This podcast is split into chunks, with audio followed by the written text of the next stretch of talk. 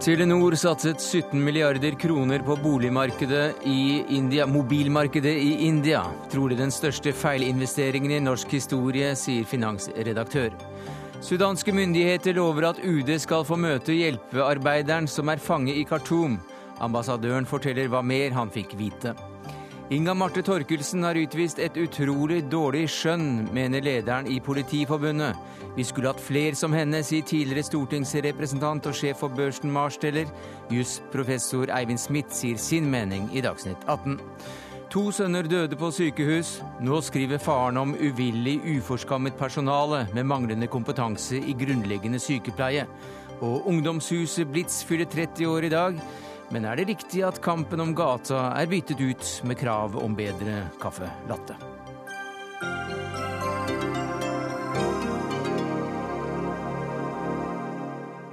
Ja, Det er noen av sakene i Dagsnytt 18 denne mandagen, der vi også får besøk av Tor Åge Bringsvær med dronningen av Saba på slep. Men vi starter med Telenor, som altså har satset 17 milliarder kroner i India. I dag kom meldingen om at eh, selskapet skriver ned det hele til en verdi av null, etter at eh, indiske telemyndigheter vil ha Telenors lisens solgt på nytt, men denne gang på det åpne markedet. Og hva sier du til alt dette, nærings- og handelsminister Trond Giske? Du var i for å få et annet resultat. Ja, Vi var der for å kommunisere to budskap. Det ene var at Telenor måtte få beholde lisensene sine inntil nye auksjoneres ut. Det har vi vunnet fram på, så det er på plass. Og Det andre var at auksjonene må gjennomføres på en slik måte at ikke de små selskapene er sjanseløse. Fordi en auksjon som er åpen for de store selskapene i India, eh, der vil de ha så mye å tjene på å betale stort for å holde konkurrenter unna, at de små vil eh, ikke ha mulighet til å få lisenser. Det eh, er ikke avklart ennå, men det er selvsagt dårlig nytt når eh, si, Indias teletilsyn, som er en eh, uavhengig institusjon, byråkratisk, altså ikke politisk, foreslår et system hvor alle skal forby. For da vil det, som Telenor sier i sitt, sin pressemelding i dag, bli så å si umulig for Telenor å delta. Om de møtene vi har hatt og de forslagene Telenor har spilt inn til myndighetene har effekt, det får vi vite nå. fordi at nå regjeringa begynner sin diskusjon. Og... 24. mai. Men foreløpig ja. så ser det altså ganske mørkt ut, og det er vel derfor du har skrevet ned verdien til null. Syngve Brekke, du er sjef for Telenor Asia, med oss på telefonen fra New Delhi. Hva betyr denne smellen for Telenor? Ja, Den nedskrivninga du refererer til, det er jo en regnskapsteknisk sak. Oh, ja. Så det har har jo ingenting med eh, selve beslutningen å gjøre. Men dere hadde vel ikke skrevet den verdien ned til null hvis dere hadde hatt et stort håp om å vinne fram i alle instanser i uh, India? Nei, Det er riktig at det har noe med saken å gjøre. Ja. og det, Vi tar en regnskapsmessig konsekvens av at usikkerheten nå har økt mm. etter det forslaget som Teletilsynet har, har lagt fram. Men det har jo ingenting med uh, selve beslutningen å gjøre, som helt riktig er sånn som statsråd Giske sier, nå i hendene på politikerne. Men ifølge dere så er, ser dette så mørkt ut at dere allerede nå uh, nedskriver denne verdien til null?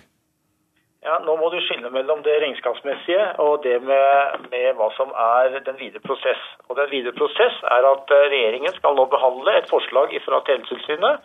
Og regjeringen har da fire uker på seg til å gjøre om det til, til en policy. Og Det er den prosessen vi nå er en aktiv bidragsyter og en i stadig dialog med, med myndighetene oppå. Terje Erikstad, du er leder av finansredaksjonen i Dagens Næringsliv. Hva tror du om dette?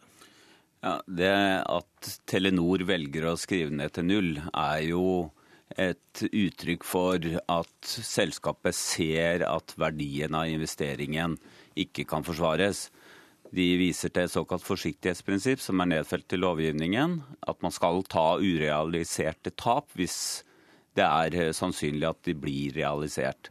Og Det er jo det som ser ut til å være utfallet nå. At Telenor ikke kan eh, kjøpe de nye lisensene, eller kjøpe tilbake lisensene, for det blir for dyrt. Og da er hele investeringen tapt. Og, og det, er det, det, er det, denne nedskrivningen er uttrykk for. da. Og børsen svarer med en oppgang? Ja, det er logisk. Fordi Aha. Eh, investorene har ikke likt denne investeringen. Fordi det har vært et stort tapssluk for Telenor. Telenor-ledelsen mener at dette på sikt blir en god investering, men man har ikke klart å overbevise aksjemarkedet om det.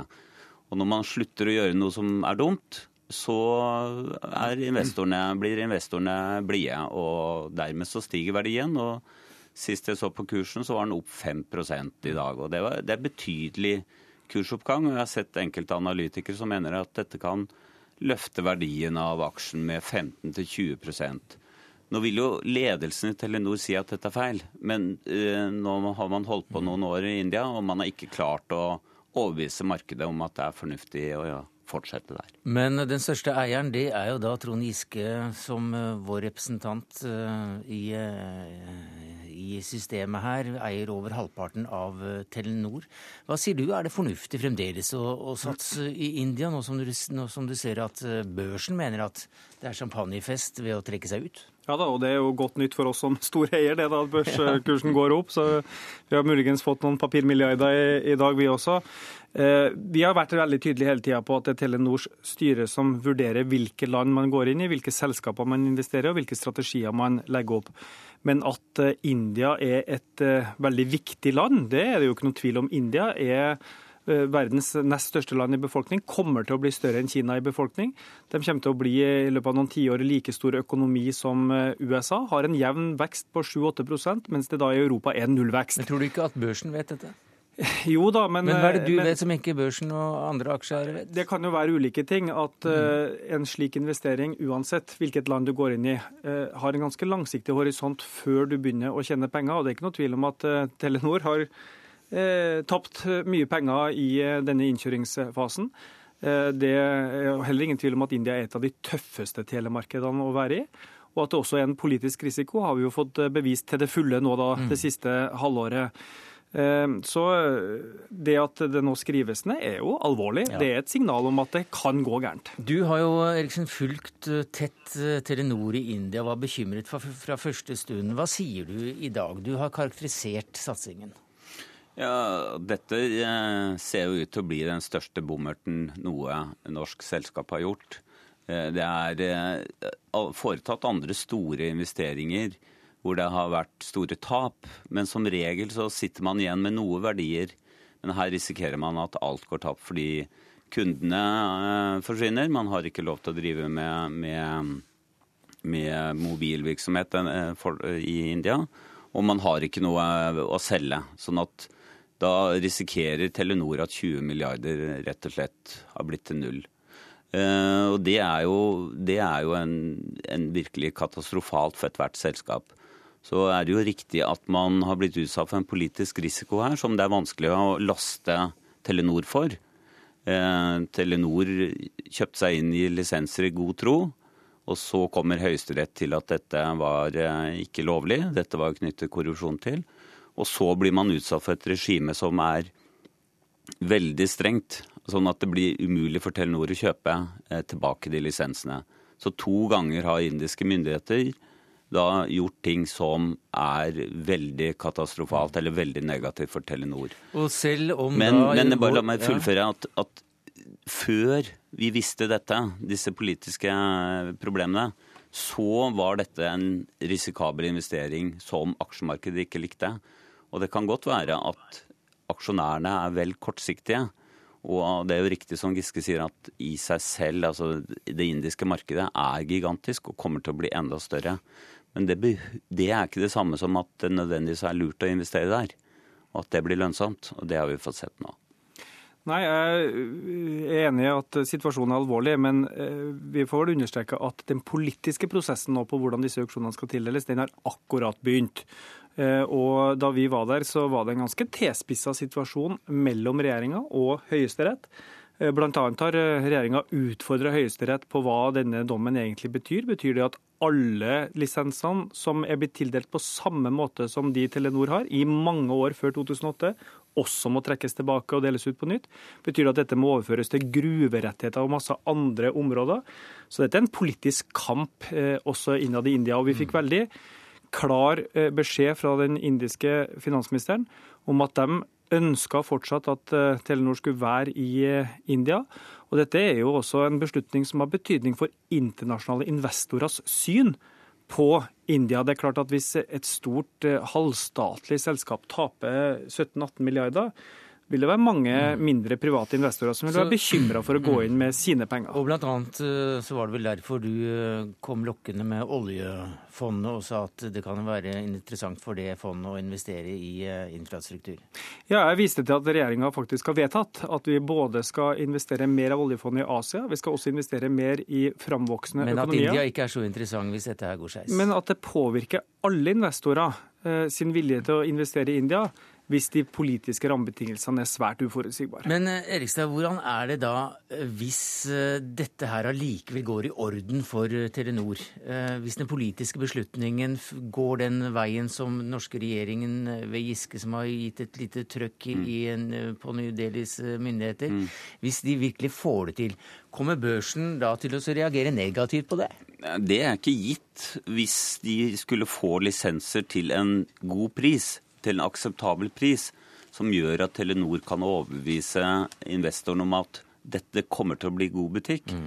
Altså Selskapet har jo bygd opp en, en, imponerende eh, virksomhet i India, og med rundt 30 millioner kunder. Det er klart, Nå begynte selskapet å se at, at man nærmet seg en form for eh, lønnsomhet. I hvert fall uh, at de ikke tapte så mye. Og Hvis man skulle få tilbake lisensene og kanskje få noen nye til akseptabel pris, da kan det godt være at de får tommelen opp fra da, aksjemarkedet. Da er altså ikke tre-fire Norad-budsjetter eh, gått eh, fløyten, eh, Sigve Brekke, sjef for Telenor i Asia. Hva sier du til den meningsutvekslingen vi har hatt i studio her i Oslo? Det var litt dårlig forbindelse med deg i sted. Ja, nei, Jeg har lyttet med det, til det med interesse.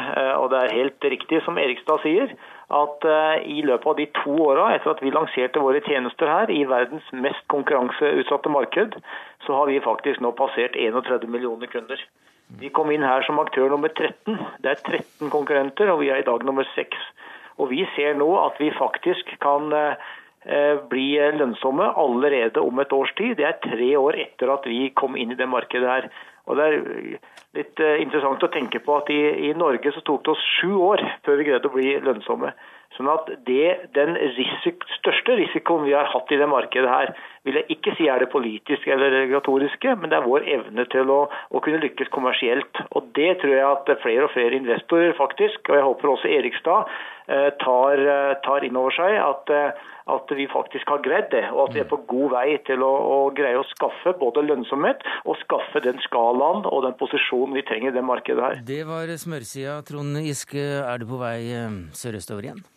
Ja, Nå fikk vi jo møte finansministeren, som er den øverste ansvarlige for uh, denne saken. Han koordinerer alle de statsrådene som har berøring med uh, spørsmål om nye uh, lisenser. Så vi har fått framført våre argumenter på en absolutt god måte, på høyeste nivå. Men hvis det i en sluttfase nå, i den politiske behandlinga, blir nødvendig og hensiktsmessig fra både Telenors side og ambassaden vår og de folkene vi har der nede, så kan det bli aktuelt med nye møter. 24. mai skal det hele avgjøres. Takk skal du ha, Trond Giske, nærings- og handelsminister, Terje Erikstad, leder av finansredaksjonen i Dagens Næringsliv, og til deg i New Delhi, Sigve Brekke, Asia-sjef i Telenor. Hør Dagsnytt 18 når du vil, på nettradio eller som podkast. nrk.no – dagsnytt 18.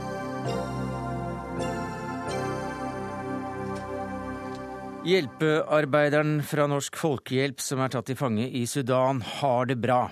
Ja, det sa sudanske myndigheter til deg og norsk UD-ambassadør Jens Petter Kjemperud i Khartoum. Hva mer fortalte de deg på møtet i dag? Jeg kan bekrefte at de sa det, men eh, vi er likevel ikke fornøyd før vi har sett ham. Eh, de eh, sa videre at vi vil få se ham i nær framtid. Vi er utålmodige Vi må sammen med Sør-Afrika og, og Storbritannia, som også har statsborgere som er uh, fengslet i denne saken, på å få se uh, Jon Sørbø uh, så raskt som det overhodet lar seg gjøre. Vet du noe om soningsforholdene så langt? Eh, ikke utover hva vi er blitt forsikret av sudanske myndigheter, at de eh, blir tatt eh, godt vare på, at de får den mat og livsnødvendigheter som de har krav på, og eventuelt medisinsk behandling om det skulle gå for det. Det er litt dårlig forbindelse til Khartoum, Jens Petter Kjemperud, men takk skal du ha som vår representant, eller norsk UDs representant i, i Sudan. I helgen ble altså Jon Sørby og tre andre hjelpearbeidere arrestert på den sudanesiske eh, grensen. Eh, det har vært usikkerhet rundt hva Sørbø og de andre gjorde der. Vet du noe mer om det nå, Liv Tørres? Du er eh, generalsekretær i Norsk Folkehjelp. Ja, vi vet at de var på et oppdrag for å kvalitetssikre mineryddingsprogrammet i området. Det er viktig å understreke. Det, dette er humanitære mineryddere. FN en sørafrikansk organisasjon som jobbet sammen med FN, og Norsk Folkehjelp. Og Som vi hørte, så var det altså uh, engelskmenn også inne i bildet. Mm. At uh, ambassaden da jobber med, sammen med den engelske-britiske ambassaden der. Men uh, Tørres, hvordan ser du på situasjonen for, for den fengslede nordmannen? Det er en alvorlig situasjon. Vi er opptatt av at det skal etableres kontakt veldig kjapt. Eh, samtidig så har jeg lyst til å understreke at vi har tillit til UD, og at ambassaden nå norsk, fra norsk side jobber maksimalt for å få etablert kontakt, forsikret seg om at Sørbø har det bra, og at de andre har det bra, selvfølgelig. Og så at han selvfølgelig løslates. Det er viktig. Anklagen er litt uklar her. Men mm. han skal jo da ha befunnet seg inne på sudansk og ikke sørsudansk område? Ja, altså Jeg vil understreke at dette er et område som er svært ulendt. for å si Det sånn. Det finnes ikke gjerder eller grenseposter.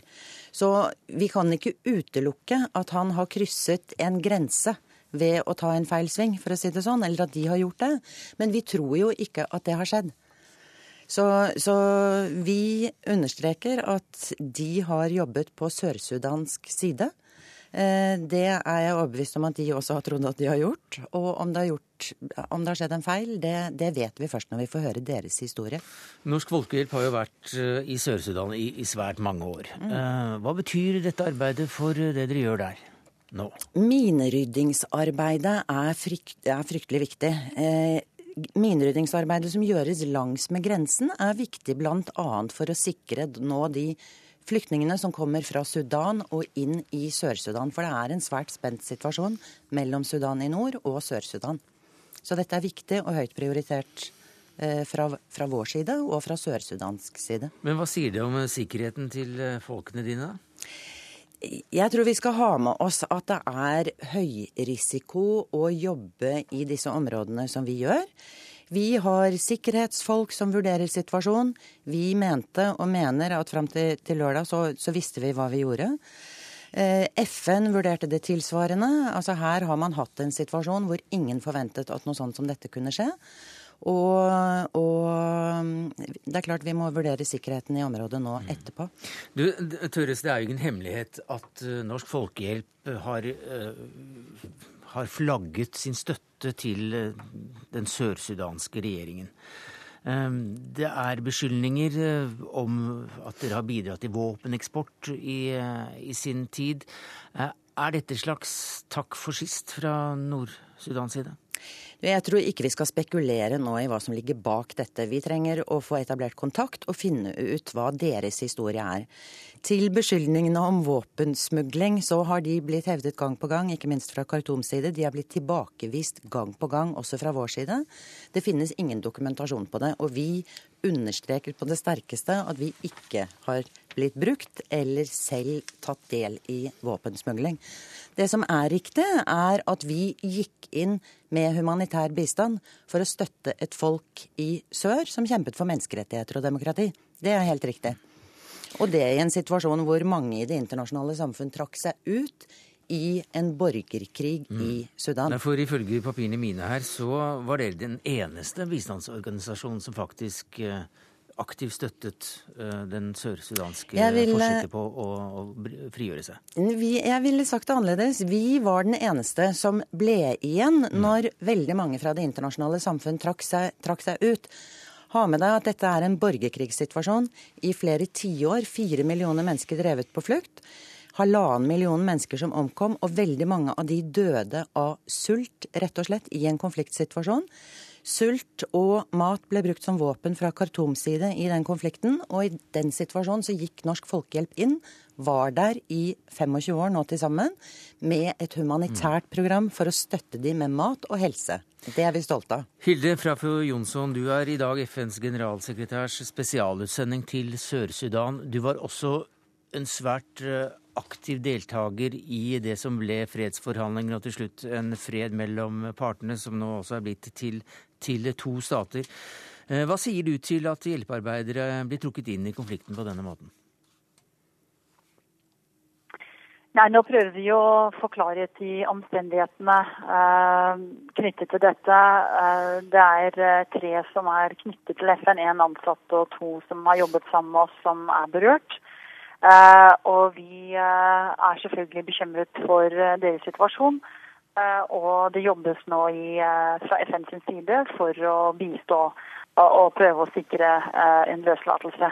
Og mer enn det kan jeg dessverre ikke si om akkurat den saken herfra. Det er for sensitivt. Men vi håper selvfølgelig at en løsning kan finnes så fort som mulig. Men du kjenner jo forholdene i Khartoum svært godt. Hva tenker du om den videre prosessen som disse skal igjennom? Nei, dette er eh, et spørsmål som eh, FN i New York nå håndterer, og ikke FN i Sør-Sudan. Så jeg må henvise det til, eh, til FNs medarbeidere i New York og Khartoum. Og jeg er mer enn gjerne snakke om situasjonen i Sør-Sudan, men jeg kan ikke gå mer i detaljer på hva som nå skjer i Khartoum. Men uh, mens vi har deg med, da, så kan vi jo få uh, ditt, uh, din vurdering av situasjonen, den spente situasjonen mellom nord og sør. Ja, det er et høyt spenningsnivå for tiden. Og dessverre har spenningsnivået økt betydelig de siste tre ukene. Det er krefninger over grensen, og vi ser en oppbygging av militær aktivitet. Ehm, det er veldig viktig selvfølgelig at eh, det arbeidet som nå skjer fra Den afrikanske unions side, og eh, også eh, det arbeidet som foregår i kulissene i forhold til FNs sikkerhetsråd, nå kan lykkes, slik at partene får en klar tidsramme for å komme tilbake til forhandlingsbordet. Avslutte alle krigshandlinger eller alle spenninger og tilløp til trefninger og at de eh, setter seg eh, sammen for å løse de gjenstående spørsmålene. Eh, det er svært viktig at dette skjer, fordi som vi vet, når spenningsnivået er høyt, skal det ikke så mye til før, før, situasjonen kan komme ut av kontroll. Og det er noe vi alle ønsker å unngå.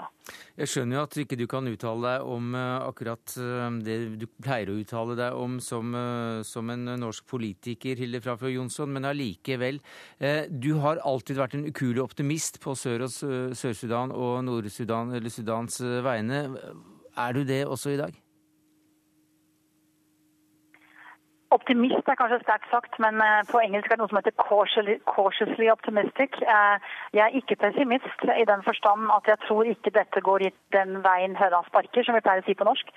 Eh, begge parter, så langt jeg kan bedømme, og fra den, de samtalene jeg har hatt i Khartoum, og det jeg plukker opp fra gode, gode kolleger som er i, i, i hyppig kontakt, Eh, det er at eh, verken der eller her eh, ønsker man å gå tilbake til denne mange tiårslange borgerkrigen, som nå vil i tilfelle bli en konflikt mellom to land.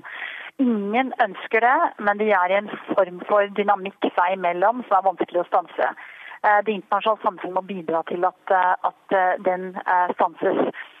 Og det er slik at eh, veldig ofte mellom disse to at når spenningsnivået er høyt, eh, så kan ting skje. Men de er, og retorikken går ofte veldig veldig høyt, og det har vi sett både fra Bashir og til dels av Akishins side, eh, disse to presidentene.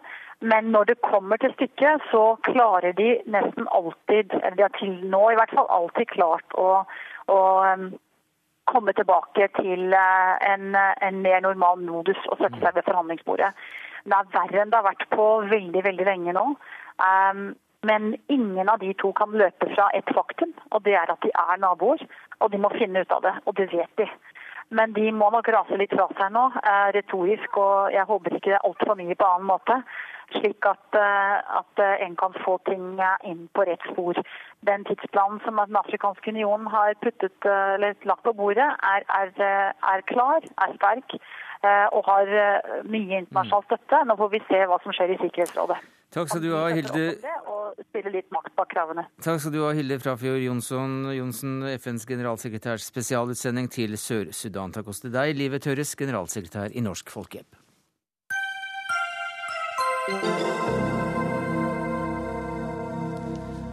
Ja, Som vi har eh, lest, sett og hørt, så mener altså statsråd Inga Marte Torkelsen at hun som stortingsrepresentant ikke burde ha ringt en politietterforsker i en spesiell incestsak. Og du er en som støtter henne i det synet, at eh, det var dumt, Arne Johannessen. For du sier til Dagbladet at hun har utvist sitat, 'utrolig dårlig skjønn'. Og hvorfor sier du det som leder i Politiets eh, Fellesforbund?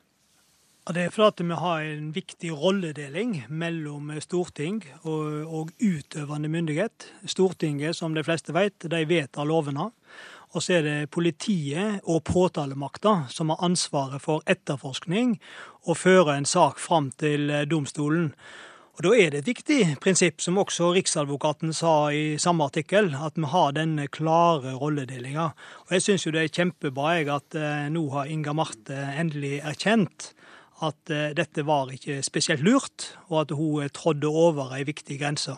For stortingsrepresentantene har så utrolig mange andre arenaer og andre måter de kan jobbe på for bl.a. barn sine rettigheter og eh, sånne spørsmål som Inga Marte er særdeles opptatt av.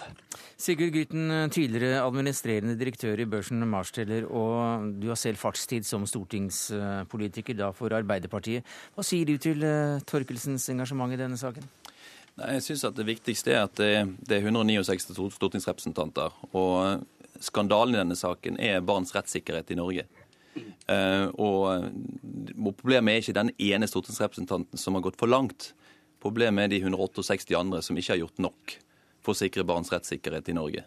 Er mellom, man regner med, det er offisielt 3 4, mellom tre og fire barn som blir tatt livet av sine nærmeste hvert år. Man mener mørketallene er langt høyere. Eh, enda flere som blir utsatt for overgrep, eh, vold i, i familiene. Og Arne Johannessen sine medlemmer er jo de som er veldig nær det, eh, og som inn, møter disse skjebnene og er inne i disse hjemmene og ser det med sine egne øyne. Og fokuset bør faktisk være i større grad rettet mot skjebnene til disse barna fremfor denne formalismen. Jo, jo, men akkurat i dag snakker vi om formalismen. Hva syns du om den? Nei, altså, Inga Marte Torkelsen har ikke gjort noen ting gale. Eh, i form av eh, Hun har eh, si, brukt skikk og bruk, men det er ikke helt noe ulovlig. Og stortingsrepresentanter er også ombud. Og ta, skal også ta opp enkeltsaker. Og det ligger makt i enkeltsakene. Det ser vi i form av, det vet alle som jobber i pressen, hvilken makt og hvilken prinsipiell betydning enkeltsaker mm. kan ha. Og hvor prinsipielt viktig de er. Og stort, altså, politikere sin, sin makt er jo det å kunne både være prinsipielle overordnede, legge de store linjene.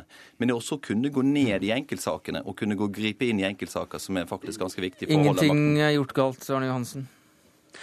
Ja, jeg tror um, at det er viktig å diskutere denne saken ut fra prinsipielle retningslinjer. Ja, det er det vi gjorde nå på slutten her. Ja, og jeg håper og tror at eh, Sigurd Grytten er enig med meg i at vi har en tydelig rolledeling mellom lovgiver og utøvende myndighet, som også Riksadvokaten har vært veldig tydelig på.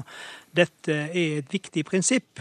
Og så kan vi diskutere alle andre sider som Sigurd Grutten reiser, som jeg har svært stor interesse av å debattere. Men eh, jeg syns det er viktig at vi alle slår ring rundt den uavhengigheten som politi og påtalemakt skal ha. For det ville være et håpløst system hvis en statsråd eller stortingsrepresentanter skulle gå inn og blande seg i enkeltsaker. De har aldri mm. mulighet til å se alle sider ved en etterforskning, og da blir det partsinnlegg i en etterforskning som eh, vi har helhetsansvaret for. Og Det tror jeg òg Grytten må være enig i. Eivind Smith, professor i offentlig rett ved Universitetet i Oslo, hva sier du til dette? Jeg sier at jeg kan heller ikke si at Inge Marta Torkelsen har gjort noe galt. Det er ingen regler om dette. Hun har ikke brutt en eneste regel jeg vet om. Og jeg syns at Arne Johansen og de andre jeg har hørt hisse seg opp over denne episoden, begår den ganske grunnleggende feil.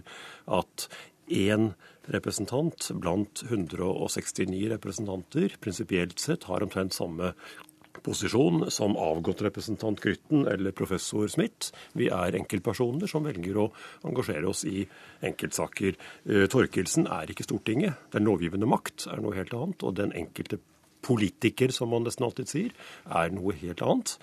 Jeg vet ikke om det var spesielt smart det hun sa til den, den etterforskeren og, og, slikt. Så vidt jeg skjønner var det forsiktige ting hun sa, men det vet jeg ingenting om. Det kan godt hende at man kan diskutere på det bagatellnivået.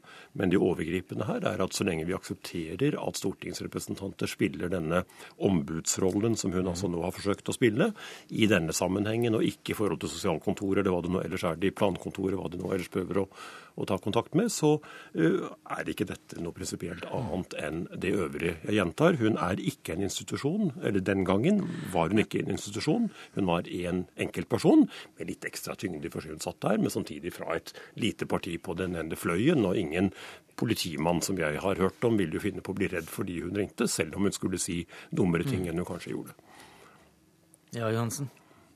Nei, Jeg lytter med interesse. Jeg er litt overraska over eh, jusprofessoren sin tilnærming. For det er klart det er nokså stor forskjell eh, på at en stortingsrepresentant med den posisjonen, og ikke minst den posisjonen Inga Marte har i denne type saker, som hun kan mye om og engasjert seg sterkt i, ringer en etterforsker direkte, enn en tilfeldig nordmann hadde gjort det samme. Ja, Det er for så vidt enig i, men hun er ikke eh, Stortinget som sådan. Hun er én person blant 169. Ja da, det skjønner alle, at hun utgjør ikke flertallet, hun er én person. Men allikevel så er det en nokså vesentlig forskjell på å ta den kontakten som stortingsrepresentant eller en tilfeldig eh, engasjert person i gata i nabolaget. Det tror jeg vi, vi ser alle sammen. Det er ikke helt det samme, jeg er enig i det. Gryten.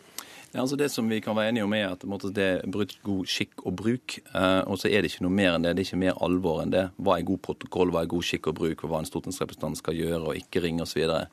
Eh, men for å ta en annen eh, si, viktig prinsipiell debatt som vi faktisk berører, som er en prinsipiell debatten på den prinsipielle debatten, det er det vi ser hvordan det er stadig vekk noe ulike utspill om hva politikere ikke skal si, hva politikere ikke skal gjøre. Det siste nå var at Anniken Huitfeldt, som var kulturminister, hun skulle da ikke delta i rosetoget fordi at det kunne påvirke dommen. Den type utspill har vi sett nå etter den 22. juli hele tiden. En sånn voldsom redsel for hva, ja. hva, som skjer hvis politikere engasjerer seg, om det nå er i statlige selskaper eller om det er domstolen eller hva det enn er.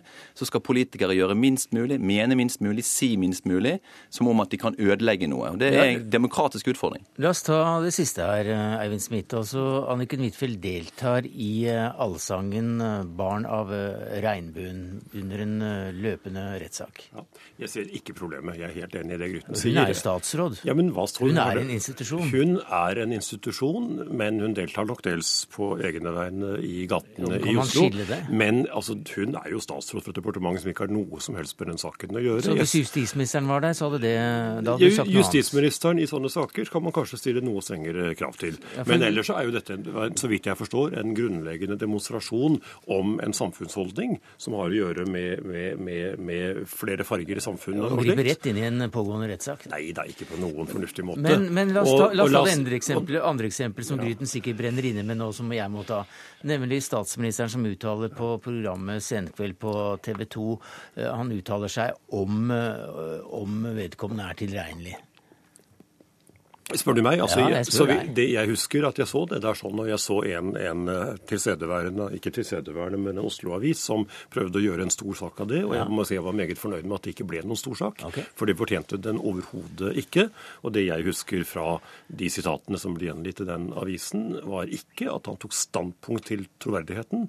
Han sa noe som i retning av at hvis resultatet ble det ene, så ville nok mange være glad for det, men han tok samtidig alle mulige forbehold om at hans mening var ikke å påvirke den saken. Jeg tolker det generelt, uh, Smith, uh, dit hen at du mener at politikere faktisk kan tillate seg mye mer enn det mange av oss andre tror? En del, en del medier nå har skapt inntrykk av det siste, ja, det mener jeg helt bestemt, og jeg mener at det er derfor vi har dem. Johannesen? Ja, jeg tror vi alle som debatterer saken er enige om at vi trenger enda sterkere engasjement, og vi trenger politikere som er tydeligere og mer engasjert. Det har jeg etterlyst i mange saker, ikke minst i forhold til dette temaet som Inga Marte har eh, blanda seg inn i. Men jeg tror òg det er svært viktig at vi har en debatt om hva arena er det de skal gå inn på. Mm.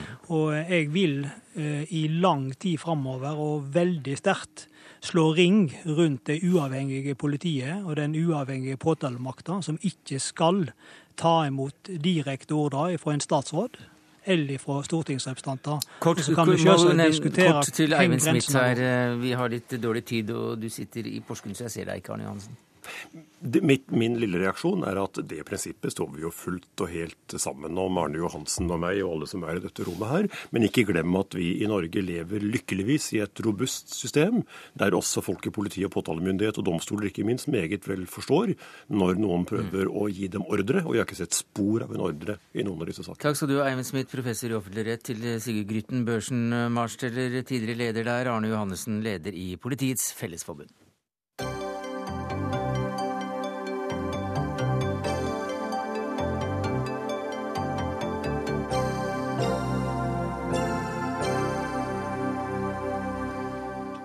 Nå skal vi til et 30-årsjubileum.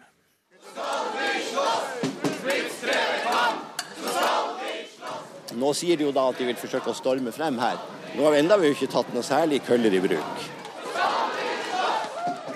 Ja, Jo Raknes, programutvikler i NRK, tidligere medlem av Ungdomshuset Blitz. Det var tidligere? Ja, det var tidligere, det. Den stemmen kjenner jeg jo. Det var altså da eh, Daværende politimester i Oslo, Willy Hauglie, som på 80-tallet så på blitzerne som en reell trussel mot fred og en smule fordragelighet i hovedstaden, eh, som her før en middag for dronning Margrethe i 1988. Han var aldeles ikke alene. Blitzerne skulle ha hatt med seg en rambuks, og bekymringen var jo stor for hva som ble herjet med i, i gatene på den tiden. Eh, så hva slags fødsel, eller hva slags uh, spedbarn var det som så dagens lys for 30 år siden natt til 1. mai i Pilestredet? Nei, altså Det var jo et resultat av en okkupasjon i Skippergata. Mm. Som, eh, som det ble avviklet eh, i samråd med kommunen. Et sted å være, sted å jobbe og sted å bo. Som ble Ungbo, Ungjobb og så Blitz, da. Som var på en måte det som skulle være dette stedet å være. Og Det var utgangspunktet. Og så var det vel også kanskje fordi at det hadde vært mye bråk natt til 1. mai i uh, årene før. Ganske uh, kraftige sammenstøt mellom politi og ungdom. Så dette var vel et forsøk på å få dette til å roe seg ned. Uh, og så var det vel en TV som gikk ut av vinduet da som protest mot at NRK var med på å pasifisere ungdommen mm -hmm. denne natt til 1. mai. Ja og eh, derfor utsatt. Og så ble det en storming av politiet. Men storming av politiet ble dere etter hvert ganske vant med? Ja, de stormet vel ikke så ofte, men at det var trefninger eh, i forbindelse med demonstrasjoner, det ble vi etter hvert eh, vant til. Jeg tror nok at eh, for oss som var med den gangen, vi var jo rundt 18-20, eh, så var det et, eh, det var et kraftig møte med voksenverden, på en måte. Men hva var kampsakene? Kampsakene var vel i utgangspunktet de tre som jeg sa først. Altså et sted å være, et sted å bo, og, eh, og eh, altså det var stor arbeidsledighet. Det var mangel på utleieboliger og etableringsboliger for unge. Og eh, man hadde ikke noe sted å, å være på fritiden. Så det var kampsakene. Det var 80-tallet. Og så var det vel liksom litt av arven fra England og punken og den bevegelsen der, da, som, som, var, som var inspirasjonen. Og så var det jo Sør-Afrika, og Latin-Amerika. Og etter hvert så ble det jo egentlig mer eh, politikk også, mer solidaritet. Og det handlet ikke bare om blits. Men på slutten av 80-tallet så var det mye blits. Dette har du studert, eh, Inge Kvaran, førsteamanuensis ved Høgskolen i Sør-Trøndelag. I boka 'Opprør', som du skrev med medforfatteren Jan Holm, så intervjuet du unge blitzere om deres hverdag. Og dere fulgte miljøet tett i årene 87-88. Hva var det med Blitz som trakk til seg disse unge menneskene? Det var nok uh, flere ting, men det er riktig som uh, Raknes sier, at uh, det var noe som lå måtte, i bunnen. Det var de her sakene. Et sted å være, et sted å bo, og en fornuftig sysselsetting og arbeid. Og Vi må huske at det var stor ungdomsarbeidsløshet på 80-tallet. Og det var høye renter når det gjaldt å få kjøpt seg bolig. Og det var lite eh, utleieboliger. Så det var noe her som samla, som la som grunnlag for et type ungdomsopprør. Hvem var det? Det var en, en, sammensatt gruppe. Det var en del ungdom som jeg vil kalle for utsatte som, eh, som, levde mer eller mindre på gata eller kom fra barnevernet og, og, sånne ting. Men det var også en stor gruppe fra steinerskolemiljøet og litt eh, bedrestilte ungdom som samla seg sammen. Hvordan var miljøet i, i Blitz på den tida, Raknes? Du, det, var, det var veldig stort, eh, og kanskje mye større enn det kan se ut som på en måte nå. da, altså, For det, det var, det var ikke bare punken, på en måte, eller punkerne, som var del av det. Det var et, var et stort uh, frynsenettverk. Det var musikkscener. Altså det, det spredde seg i flere miljøer over hele Oslo, så, så Blitz var egentlig bare en liten del av, av, en, en, større ting som, var, uh, som, var, i tiden. Veldig sånn vekst på kultur og musikk og endring og sånt. da. Og politisk aktivitet som var veldig høy. Men var det mye utstøtt ungdom? Gatebarn? Du, Det var en salig blanding. Mm. Eh, og eh, jeg jobbet jo i kafeen og drev den i, i eh, to år. Og mm. der så jo vi de som kom inn og fikk seg en middag for 20 kroner. Eh, og eh, hvilken betydning Blitz hadde for de. De visste at de ikke fikk lov å ta med seg skje og, og lighter og sitron inn på toalettet der. For da visste man hvilken aktivitet var det, og det respekterte de. For de visste at dette var den eneste varmestuen de hadde i byen. Mm. Så det, det, var, det var mye som ble fanget opp der også og kom på, på ordentlig veier. Ja, gjorde de det, Kvaran? Du har intervjuet unge blitzere mens de fortsatt var aktive. Vet du noe om hva som har skjedd med dem etterpå? Jeg har jo eh, sagt at dette miljøet var en eh, både kamp- og sjølhjelpsgruppe. Eh, for mange så var det politikken som sto i, i forsetet, og de lå jo langt framme på en del politiske saker. De holdt fanen høyt når det gjaldt kamp mot rasisme og nynazisme og dyreforsøk og vegetarmat og hjelpe de ut, utstøtte ungdommene. Men samtidig så var det en, en risikosport, vil jeg si. Fordi at eh, en del hadde nok med seg en belasta bakgrunn. Og jeg vil nok kanskje litt grovt dele, dele dem opp i to grupper. Det er de som har gjort det veldig bra etterpå. For det var mye kreativitet, selvstendighet og energi i miljøet. Men det var også de som hadde med seg en ganske belasta bakgrunn, som de måtte har fortsatt å slite med. Mm. Vi sitter jo her med Jo Raknes, som er programutvikler i NRK. Jeg vet ikke hvilken gruppe NRK-journalister faller i, men eh, det går rykter nå, Raknes, om at eh, du får en brukbar kaffe latte i kafeen din? Du, Jeg var der i går eh, sammen med en gjeng andre som jobbet der på min tid. Og der var det ikke mye caffè latte. Det var god gammeldags svart kaffe. Der mye var der slik jeg husker det fra jeg eh, sluttet å være der for ca. 20 år siden. Så, så fremdeles holder det i koken? De holder koken, og prisene på smørbrød er det samme. Jeg var faktisk imponert over prisnivået, at det var såpass lavt fortsatt. Takk skal du ha, Jo Raknes, programutvikler i NRK, tidligere medlem av Ungdomshuset Blitz. Eh, takk til deg, Inge Kvaran, førsteamanuensis ved Høgskolen i Sør-Trøndelag.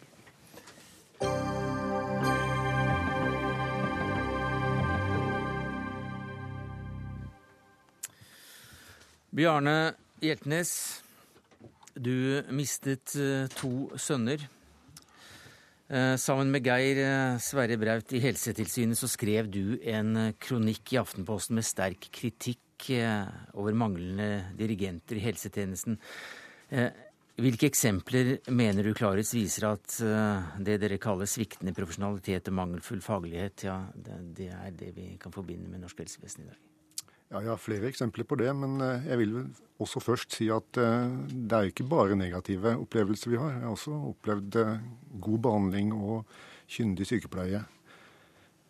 Men et eksempel på manglende oppfølging av nyutdanna, eller manglende opplæringsplan, kan jeg jo nevne. Kristian, yngste sønnen min, var, lå til intensivbehandling på, på Ullevål, intensiv der. Etter hvert så viste det seg at eh, hjerneskaden var så stor at av, behandlingen måtte avsluttes. Og han skulle over da på en vanlig sengepost for å, for å avslutte livet der.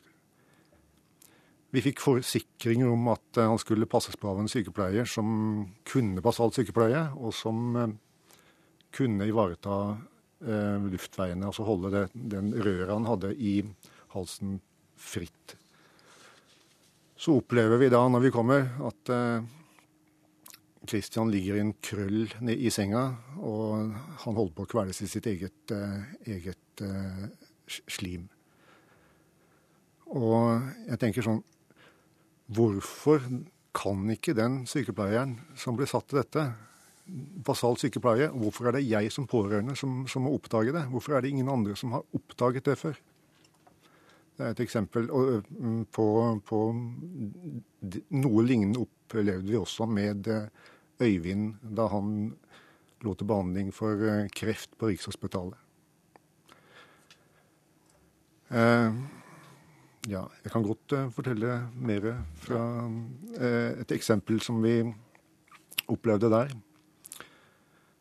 Han hadde en stor kreftoperasjon.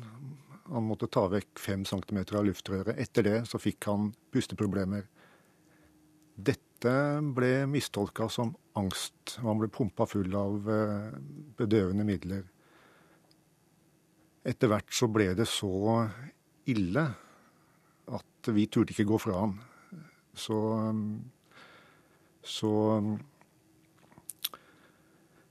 han holdt, på, han holdt, på, å kveles. Dette kunne lett vært oppdaga ved å uh, gjennomføre enkle rutiner som å bruke stetoskop, lytte på lungene hans, og ta bilder av lungene hans. For dere skriver om Svikt, manglende kompetanse i grunnleggende sykepleier. Dere skriver om uvillige og uforskammede uh, sykepleiere. Og, og, da er jo ballen over på din uh, banehalvdel, eller Gunnhild By, for du er forbundsleder i Norsk Sykepleierforbund. Hva sier du til denne kritikken? Jeg syns det er veldig beklagelig, og det må være veldig vondt som pårørende å oppleve eh, slike ting som dette her. Det er vel det jeg kan starte med å si. Og så tror jeg også jeg må si at eh, slike ting skal ikke skje. Eh, og når slike ting skjer, så tenker jeg at det er kanskje to forhold som en kan peke på. Det ene er vel det utdanninga og utdanningsforløpet i forhold til hva det er en sykepleier skal kan. Eh, og da er det sånn at en sykepleier, er, når den er ferdigutdanna etter tre år på sykepleierskolen, så har du fortsatt en ganske lang utdanning igjen i forhold til det å bli lært opp på en ordentlig måte på den sengeposten eller den avdelinga som du faktisk skal jobbe. Der du må lære deg de, de, de tingene du har behov for å, kan der. Eh, den eh, andre tingen som jeg også vil peke på, handler om systemansvar.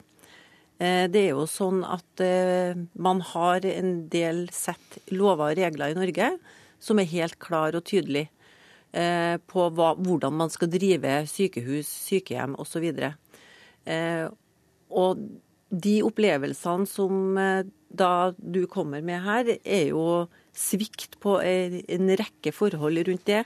Så systemansvaret i forhold til det som faktisk skal være på plass, mm. kan, jo, kan, jo, ikke være eksisterende ut ifra de historiene du forteller. Mm.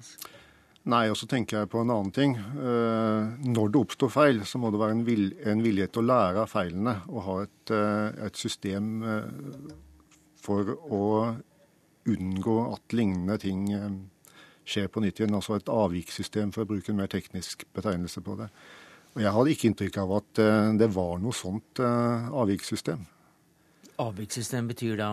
Ja, Det betyr at når det skjer en feil, så må man gå inn og, og, og, finne ut hva er det som har skjedd, og hvordan kan vi unngå at eh, dette skjer på nytt igjen. Altså en del av et kvalitetssikringssystem. Men er dette da en, eh, en del av en, et sviktende system, det store systemet, eller er det, har det noe med utdanningen å gjøre? Du, du har jo selv vært aktiv i utdannelsesøyemed av, eh, av helsepersonell på alle, på alle nivåer. Ja, så Det er ikke noe enkelt svar på dette her. Det har med utdanning å gjøre. Og eh, det har også med et uh, manglende lederansvar å gjøre. Manglende lederansvar. Eh, Robin Koss, du er statssekretær i Helse- og omsorgsdepartementet. Hva sier du til det du har hørt nå? Det har jo gjort eh, inntrykk på alle de som har lest den eh, kronikken. Jeg vil først av alt takke Bjarne for at han tok seg tid til å, å skrive den og dele de historiene med oss. fordi at eh, det vi vet, er jo at dette dessverre ikke er unike historier. Norge er helt i verdenstoppen når det gjelder overlevelse og sluttresultatet av behandlinger. Men vi er langt fra gode nok når det gjelder det å involvere pårørende, lytte til pasienten, lytte til de som er sammen med pasienten. Og det tror jeg har har eh, sammenheng med at vi har ikke hatt eh, åpenhet rundt dette før. Vi har ikke målt sykehusene på dette før. Vi har vært opptatt av eh, økonomi, ventetider, etter hvert også medisinskfaglige resultater. Men det er faktisk først i dag at vi offentliggjør og bruker hva faktisk pasientene og de pårørende selv opplever når vi skal styre og følge opp sykehusene våre. Elnes. Um ja, men jeg lurer på hva er det, hva er det departementet i praksis vil gjøre? Det som jeg tror er det aller viktigste som eh, vi kan gjøre, det er at vi som politikere sender et signal om at det viktigste i alle beslutninger eh, vi tar knytta til helsevesenet vårt, er hvordan eh, pasienter og pårørende opplever den behandlinga de får. Det at man faktisk spør pasienter og pårørende hva de har gjort, at man bruker den informasjonen. Og også det at man kartlegger feil pasientskader. Det ble heller ikke gjort systematisk tidligere. Nå har Norge som første land i verden gjort dette ved å gå gjennom journaler på alle norske eh, sykehus. Eh, sånn at eh, vi kan ikke lenger ha en sykehusdebatt som dreier seg om hvor ordføreren vil at sykehuset skal ligge, eller hvordan man skal organisere den eller den avdelingen. Vi må få mye mer en debatt som det som ble tatt opp i Aftenposten, om hva slags behandling ønsker vi at vi selv får, eller våre nære får, når man kommer i en så vanskelig situasjon. Takk skal du ha, Robin Koss, statssekretær i Helse- og omsorgsdepartementet, til Eli Gunhild By, forbundsleder i Norsk Sykepleierforbund, og til deg, eh, Bjarne Hjeltnes, høyskolelektor her som etterlatt og forfatter av kronikken 'Helsetjenesten mangler dirigenter'. Dagsnytt 18 alle hverdager klokka 18.03 på NRK P2.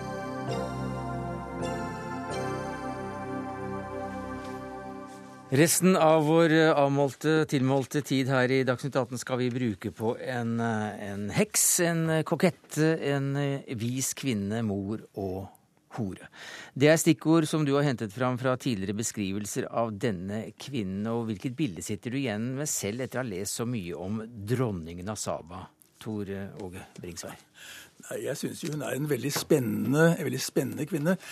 Dronningen av Saba det er jo et navn som vi alle kjenner.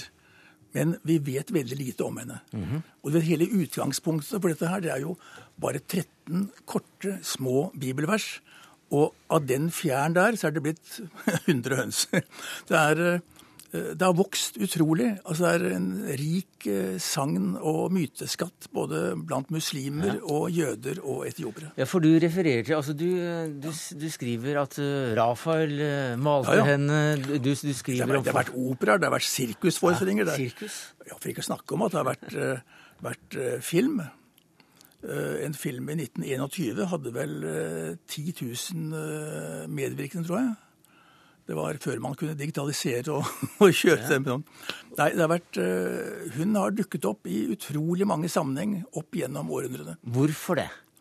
Ja, Det er det Jeg vet ikke, men hun er jo fascinerende. Altså, uh, Det lille som står i Bibelen, har jo vært en trampoline for fantasien for utrolig mange mennesker. Altså, Det står om dronningen av Saba som kommer langveisfra, ikke sant? Gjennom ørken, langveisfra, opp til Jerusalem for å møte eh, Salomo. Og Salomo er jo heller ingen hvem som helst i myteverdenen. ikke sant? Så møtet mellom de to uh, har vært uh, spennende å tenke på. Og hun kommer opp for å uh, gi ham gåter, står det i Bibelen. Mm. Det tror jeg ikke noe på. Nei? Nei. Hva var det hun vri av? Nei, Det jeg tror, er at altså, hun er jo dronning i et stort og mektig rike. Saba, som da lå nede i Jemen. Og det var en, en karavaneøkonomi. De levde jo høyt på, på krydderproduksjon, blant annet, og var kjent over hele oldtiden. Hun hadde et stort rike. Jeg tror at Salomo egentlig ikke var en stor konge, mer en slags stammehøvding. Men hun var oppe for å slutte avtaler, og når det står i enkelte oversettelser at hun Da står det ikke gåter, men står 'hard questions'. Og Det tyder på at her det har vært en handelsavtale som skulle eh, komme på plass. Men Bringsvær, nå, ja. nå frator du litt eh, magi fra, fra denne dronninga møtet med, med Salomo. For, for, det står jo et eller annet sted at han hadde 700 koner ja, ja. av fyrstelig ett og 300 elskerinner på si. Ja, og legg merke til at av alle de 700 konene, ja. så er det egentlig bare dronninga Saba som vi, som vi, vet noe særlig om. Ja. Enda hun hadde litt uh, lodne ankler, skriver det? Ja, altså hun er jo ifølge alle slags myter så er hun av uh, Hun har en, en demonkvinne som mor, en djinn. Mm. Og vi vet jo at uh, slike kvinner de kan avsløres ved at de har hårete legger. Det er en kjent. Ja. Så man satte opp en felle for henne da hun kom til Jerusalem. Eh, en, enten en vannflate eller en, en, eh, speil, et eller annet, slik at hun skulle tro at hun gikk over vann. Så hun var nødt til å trekke opp eh, kjolen litt. Og da er man litt uenig i og for seg om var det mye hår på leggen, eller var det veldig lite. At Salomo i det hele tatt skulle bry seg om det, er litt merkelig. For han hadde jo tusenvis av demoner og djinner i sin tjeneste. Ja. Uten disse demonene så ville han aldri ha greid å bygge tempelet, f.eks. Men han måtte barbere Hun ble barbert, da? Ja, det er jo litt sørgelig at hun ble ydmyket på den måten. Fordi eh, hår på leggene, det skulle bare menn ha. Kvinner skulle ikke ha det. Og da er vi over i en helt sånt mannssjåvinistisk eh, system, hvor, hvor, hun er jo da egentlig en farlig kvinne. ikke sant? Hun er øh, dronning for et stort rike. Hun, øh, hun, er leder for mange menn, for mange krigere. Uh, hun, ja, hun, kan til og med lese. Hvem vet om ikke hun før eller siden glemmer å være mor, f.eks. Så slike kvinner, de måtte man gjøre noe med. Det er egentlig i og for seg noe man burde tenke over i dag, hvor det er så populært å, å fjerne alt hår på kroppen for kvinner. Men det får de tenke på.